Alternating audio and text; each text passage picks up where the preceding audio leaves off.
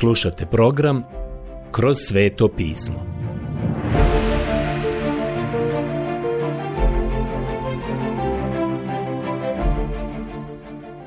Knjiga Izlazak.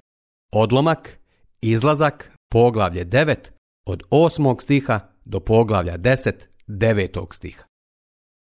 Prošli put smo u devetom poglavlju knjige Izlaska govorili o pošasti koja se tamo spominje, a to je bio pomor stoke.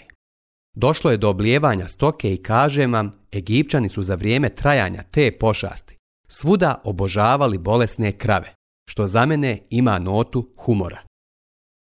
Pošast čireva Sada u osmom stihu dolazimo do sljedeće pošasti i ja ću početi da čitam. Tada zapovjedi gospodin Mojsiju i Aronu. Uzmite pune pregršti pepela iz peći neka ga se pred faraonovim očima razaspe prema nebu i postat će on sitan prah po svoj egipatskoj zemlji, a od njega će nastati mjehuri što će se pretvarati u čireve na ljudima i na stoci po svoj egipatskoj zemlji.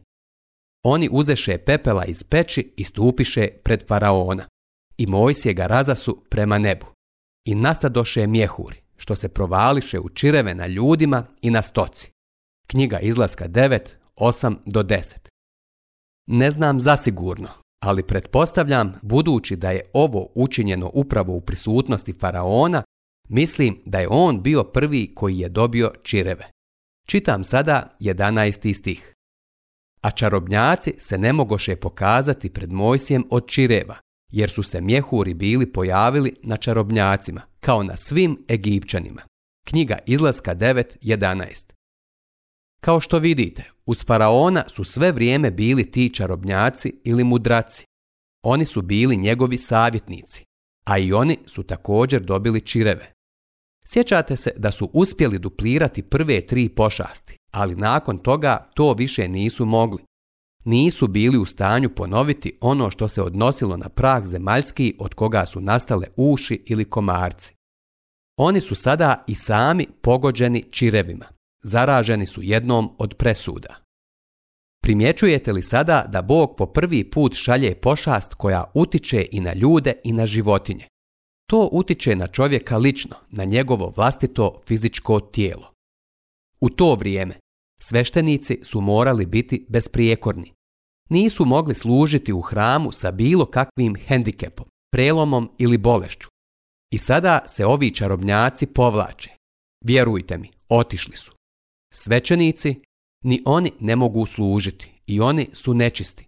Tako da sada oni imaju prinudni godišnji odmor što se tiče te njihove službe i pobožnosti u Egiptu. I možete samo zamisliti kako je to izgledalo.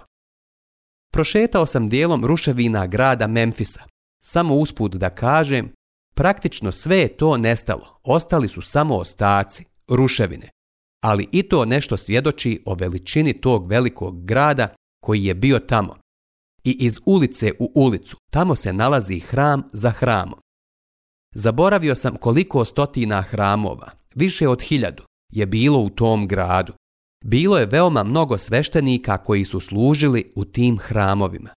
Možete samo zamisliti šta je tada nastalo kada su oni morali da se povuku iz svoje službe zato što je ova pošast zaustavila svo to njihovo lažno obožavanje i sve se usporilo do mirovanja.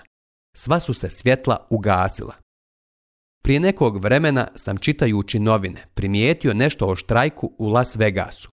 Taj grad se nalazi u svjetlucavom klancu gdje vjerovatno imaju više neonskih svjetala nego na bilo kom drugom mjestu na svijetu. Ja nisam tamo prošao godinama, ali rekli su mi da ako noću letite avionom iznad Las Vegasa, pomislite da sunce izlazi jer je toliko svijetlo. Dakle, kada su imali štrajk, svjetla su se ugasila, hoteli su se zatvorili, ljudi su otišli i to je donijelo mrtvilo. Bilo je to zapanjujuće, pa su morali riješiti štrajk. Možete li samo zamisliti šta se dogodilo ovdje u Egiptu? Lažna religija je bila stavljena izvan funkcije. Svi sveštenici imaju čireve, ne mogu služiti, tako da su morali staviti natpis na svim hramovima, zatvoreno zbog bolesti. Čitamo ponovo sada u 12. i 13. stihu o stanju faraonovog srca. Ipak gospodin otvrdnu srce faraonu i on ih ne posluša, kao što je bio gospodin unaprijed kazao Mojsiju. Tada zapovijedi gospodin Mojsiju, Stupi sutra rano pred faraona i recimo, ovako govori gospodin, Bog Hebreja, pusti moj narod da mi služi. Knjiga izlaska 912 do 13. Koliko puta smo pročitali da Bog kaže, pusti moj narod, a faraon ih još ne pušta. Možete vidjeti da mu je srce zaista bilo otvrdnuo jer ću ovaj put učiniti da dođu sva moja zla na tebe, na tvoje sluge i narod, da spoznaš da nitko nije na svojoj zemlji kao ja. Premda sam već dosad bio mogao pružiti ruku i tebe s tvojim narodom udariti kugom, da te više ne bude na zemlji, ostavio sam te ipak namjerno na životu, da osjetiš moju moć i da se moje ime slavi po svoj zemlji. Knjiga izlaska 9, do 16. Bog sada kaže, iskoristit ću te faraone da pokažem svoju moć po cijeloj zemlji. Ovdje Bog zapravo koristi gnjev čovjeka da bi pokazao svoju slavu. Ovdje imamo takav slučaj. Pošast tuča. Sada čitamo stihove 17 i 18. Ako još dalje budeš zadržavao moj narod i ako ga ne pustiš, ja ću sutra u ovo doba pustiti veoma tešku tuču, kakve nije bilo u Egiptu od onog dana kada postade do danas. Knjiga izlaska 9, do 18. Danas je Egipat zemlja bez kiše. Rečeno mi je kad sam bio tamo da je palo manje od 3 cm kiše. Te godine kad sam ja bio tamo, bilo je proljeće, bio je maj i te godine nije pala ni kap kiše. Ne znam koliko su imali kiše tokom te godine, ali u prosjeku je bilo manje od 3 cm kiše. Čitamo ovdje da će sada imati kišu, ali onu vrstu bez koje bi i mogli. Zapisano je sljedeće ovdje u 19. i 20. stihu. Pošalji dakle i skupina sigurno svoju stoku i sve što imaš u polju. Svi ljudi i životinje što se zateknu u polju i ne zaklone se pod krov, izginut će kad padne tuča na njih. Tko se od faraonovih slugu pobojao gospodnje prijetnje, kupi svoju družinu i svoju stoku u kuće na sigurno. Knjiga izlaska 9.19.20 Ovdje je riječ o tome da li vjerujete Bogu ili ne. Bog kaže da uvedu svoje sluge i svoju stoku pod neki zaklon. Mnogi nisu vjerovali Bogu, pa su bili osuđeni. Sud je bila tuča i uništeni su. Ali kao što vidite, Bog im je dao priliku. Sada je samo pitanje da li vjerujete Bogu ili ne. To vrijedi i danas. Čitamo sada 21. stih. A tko nije mario za gospodnju prijetnju, ostavi svoju družinu i svoju stoku u polju. Knjiga izlaska 9.21 To je naravno bila velika greška. Izida je božica zraka u starom Egiptu. O njoj se mnogo govori u religiji Egipta i ona je jedan od glavnih članova njihove teofanije. Ona je bila veoma istaknuta u Egiptu. Tuča je zapravo bila usmjerena protiv nje, ali vidite da pogađa tamošnje ljude, a to je vrlo važno napomenuti. Sada čitamo od 22. do 25. stiha i imamo sljedeće. Gospodin dakle zapovjedi Mojsiju pruži svoju ruku prema nebu, da po svoj egipatskoj zemlji padne tuča na ljude i na stoku i na sve bilje po polju u egipatskoj zemlji. I je pruži svoj štap prema nebu i gospodin pusti gromove i tuču. Munje su padale na zemlju i gospodin je pustio da se obori i tuča na egipatsku zemlju. Padala je tuča i munje su se neprestano miješale s tučom. Bilo je tako strašno kako nije još nitko nikada doživio u egipatskoj zemlji otkad su u njoj nastanjeni ljudi. Tuča potuče sve po svoj egipatskoj zemlji, što je bilo u polju od čovjeka do životinje. I uništi tuča sve bilje po polju i polomi sve drveće. Knjiga izlaska 922 do 25 Oni koji nisu vjerovali Bogu, naravno, nisu osigurali zaštitu za sebe svoje sluge i stoku. Bog ima identičnu poruku i za današnji svijet. Sud dolazi i današnji čovjek nije mudar ukoliko se nastavlja ponašati kao da se ništa neće dogoditi. Tako je bilo u danima Noe. Biće tako i kada on ponovno dođe da sudi. Ovdje u Egiptu vidimo da je bio veliki broj onih koji nisu vjerovali Bogu. Sve što Bog čini jeste da od vas traži da mu vjerujete. Sada se u 26. stihu ponovno podsjećamo na činjenicu da Bog čuva i štiti one koji su njegovi. Samo u Gošenskoj zemlji, gdje su prebivali Izraelovi sinovi, ne pade tuča. Knjiga Izlaska 9.26 Vidite, od sada pa nadalje, zemlja Gošen je bila pošteđena od pošasti koje su došle na egipatsku zemlju. I ovdje vidimo da je ta pošast tuče imala ogroman učinak na zemlju Egipat. Na primjer, u stihovima 31 i 32 rečeno nam je sljedeće. Tako propade lan i ječam, jer je ječam bio već u klasu i lan u cvijetu. A pšenica i raž ne propadoše, jer poslije dolaze. Knjiga izlaska 9, 31 do 32. Lan se koristio za izradu odjeće, ječam za hranu.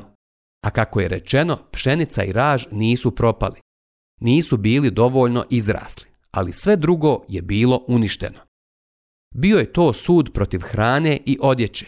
Vidite, Bog sada udara na čovjeka, a faraon je bio prvi na udaru. Trebao se probuditi do tada, ali nije. On je otvrdnuo. Rečeno nam je u 35. stihu sljedeće.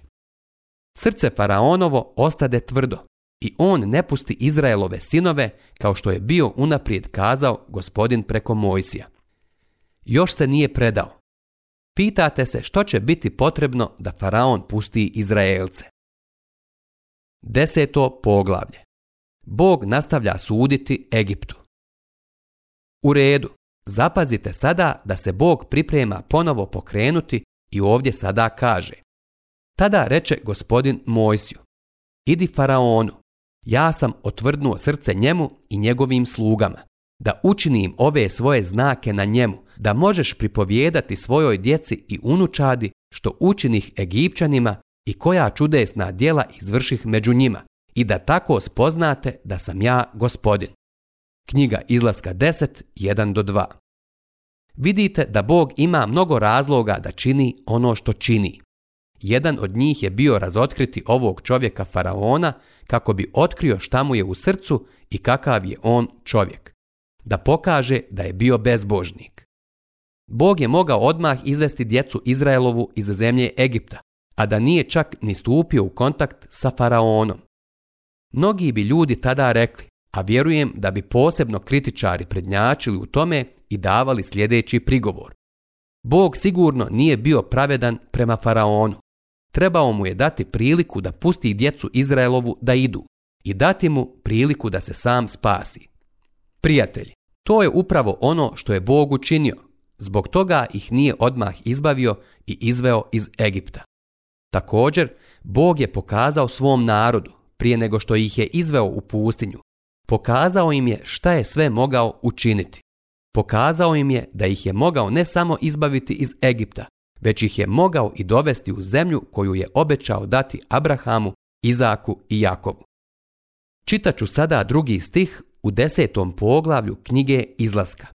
Da možeš pripovijedati svojoj djeci i unučadi što učinih Egipćanima i koja čudesna djela izvrših među njima i da tako spoznate da sam ja gospodin. Na praznik Pashe, a to je najstariji vjerski praznik koji postoji, i obilježava se već gotovo 4000 godina.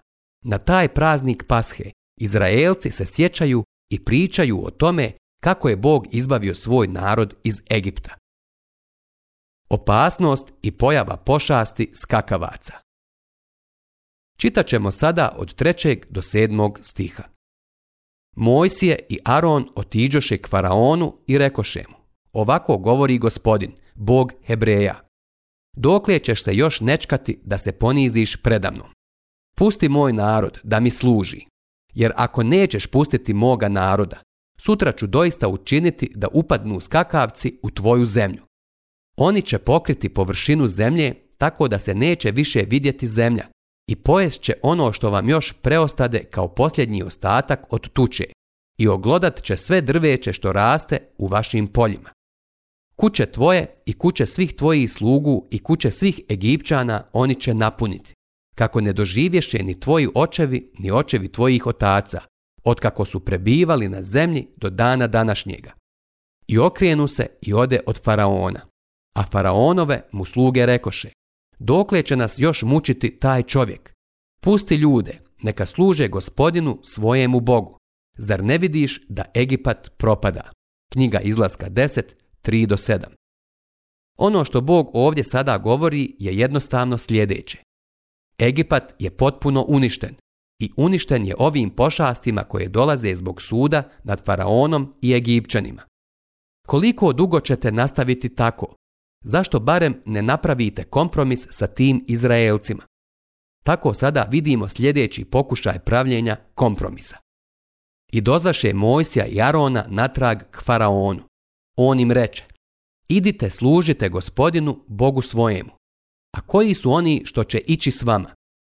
je odgovori, ići ćemo sa svojom djecom i sa starcima, sa sinovima i kćerima, s ovcama i govedima. Mi moramo svetkovati svetkovinu gospodnju. Tada im on odvrati. Neka gospodin tako bude s vama kao što bih pustio vas s vašom djecom. Vi sigurno pomišljate na zlo. Nema od toga ništa. Vi muškarci možete ići i služiti gospodinu, to ste i željeli. Onda ih otpraviše od faraona. Knjiga izlaska 10, do 11. Kompromis je u sljedećem. Mojsije, možeš ići u pustinju sa muškarcima, sa odraslima, ali ostavit ćete svoju djecu u Egiptu. Idite u pustinju bez njih. Mislim da je faraon sumnjao da će ako dobiju tri dana u pustinji odlučiti da odu iz Egipta, on ih na ovaj način želi zaustaviti i zna da ako zadrži djecu, oni neće otići, već će se vratiti zbog svoje djece. Današnje posljedice iskušenja Sve ima svoje posljedice. Ovo je obrazac za današnje vjernike. Mislim da je faraon testirao i iskušao Mojsija nudeći mu kompromise, baš kao što je svako Božje dijete danas iskušavano različitim kompromisima. Zapravo, ova četiri kompromisa koje je faraon ponudio Mosiju možete pronaći i danas u kršćanskom životu. Prvo iskušenje je budi kršćanin, ali nemoj biti fanatičan i ograničen. Zatim, drugo iskušenje je budi kršćanin, ali ne idi predaleko u tome. Ako insistiraš na određenim stvarima, nemoj pretjerivati. Drugim riječima, to je pravljenje kompromisa. Treće, kao što je neko rekao, ovo je vjerovatno najsuptilnije iskušenje od svih. Drugim riječima, danas se to isto govori velikom broju ljudi i velikom broju kršćana. Mislim da sada govorim o velikom broju kršćana. Da, samo naprijed i budi kršćanin, ali zapamti da se tvoja djeca odgajaju u svijetu, u Egiptu, i ti ih moraš pripremiti za Egipat. Danas tako imamo veliki sukob u prosječnom kršćanskom domu. Viđao sam ovo iznova i iznova. I četvrto, u pitanju je odgajanje djeteta u obrazovnom sistemu koji je apsolutno suprotan kršćanstvu. Djetetu se govori da se mora snalaziti u svijetu i da je svako dijete Božje u svijetu, a budući da će i ono biti u svijetu, onda mora ući u svijet, zarađivati što više novca i uključiti se u svijet. Prijatelji, ja sam pastor veoma dugo, više od 30 godina i nisam puno toga naučio, ali naučio sam nekoliko stvari. Iznova i iznova sam viđao pobožne roditelje, oca i majku, koji su ipak željeli sve za svoju djecu. Oni bi govorili, želimo da naša djeca imaju najbolje obrazovanje, želimo da se uzdignu u svijetu. Želimo da uspiju. Želimo da budu uspješni. Želimo da se obogate. I vjerujte mi, takva djeca su otpadala od Boga, jedno za drugim. Odlazili su od gospoda. Ovo je najsuptilnije iskušenje koje danas dolazi kršćanskim roditeljima. Ja lično mislim da su trenutno to problemi u kršćanskom domu da imamo mlade ljude u pobuni i buntovništvu. Prijatelji, što ste očekivali kada ste ih poslali u te svjetovne institucije, a oni se jednog dana vrate kući kao hipici ili nešto još gore? A onda se vi pitate i kažete, o, kako je moje dijete moglo tako nešto učiniti, a odgojeno je u kršćanskom domu. Učinilo je to jer zapravo nije bilo odgojeno u kršćanskoj kući. Roditelji su ljubki kršćanski ljudi, ali djecu nisu odgajali u skladu sa kršćanskim vrijednostima niti ih učili kršćanskim stvarima. Bili su toliko željni i ambiciozni da njihova djeca uspiju u ovom svijetu, a izgubili su ih. Oh, koliko je samo izgubljene djece danas. Ovo je najsuptilnije iskušenje od svih i zadržao sam se na tome neko vrijeme jer mislim da je prilično važno. Dragi moji, morat ćemo završiti za danas.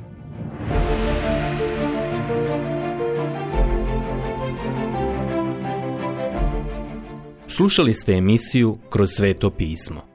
Možete nas slušati i na našem YouTube kanalu putem mobilne aplikacije, te na svim glavnim podcast platformama kao što su Google, Apple i Spotify.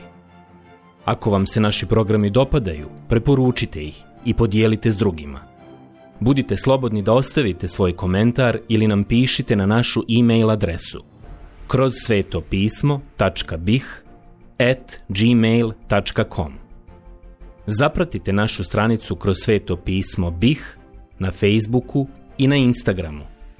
Emisije iz ove serije možete pronaći na našoj stranici ttb.tw.org.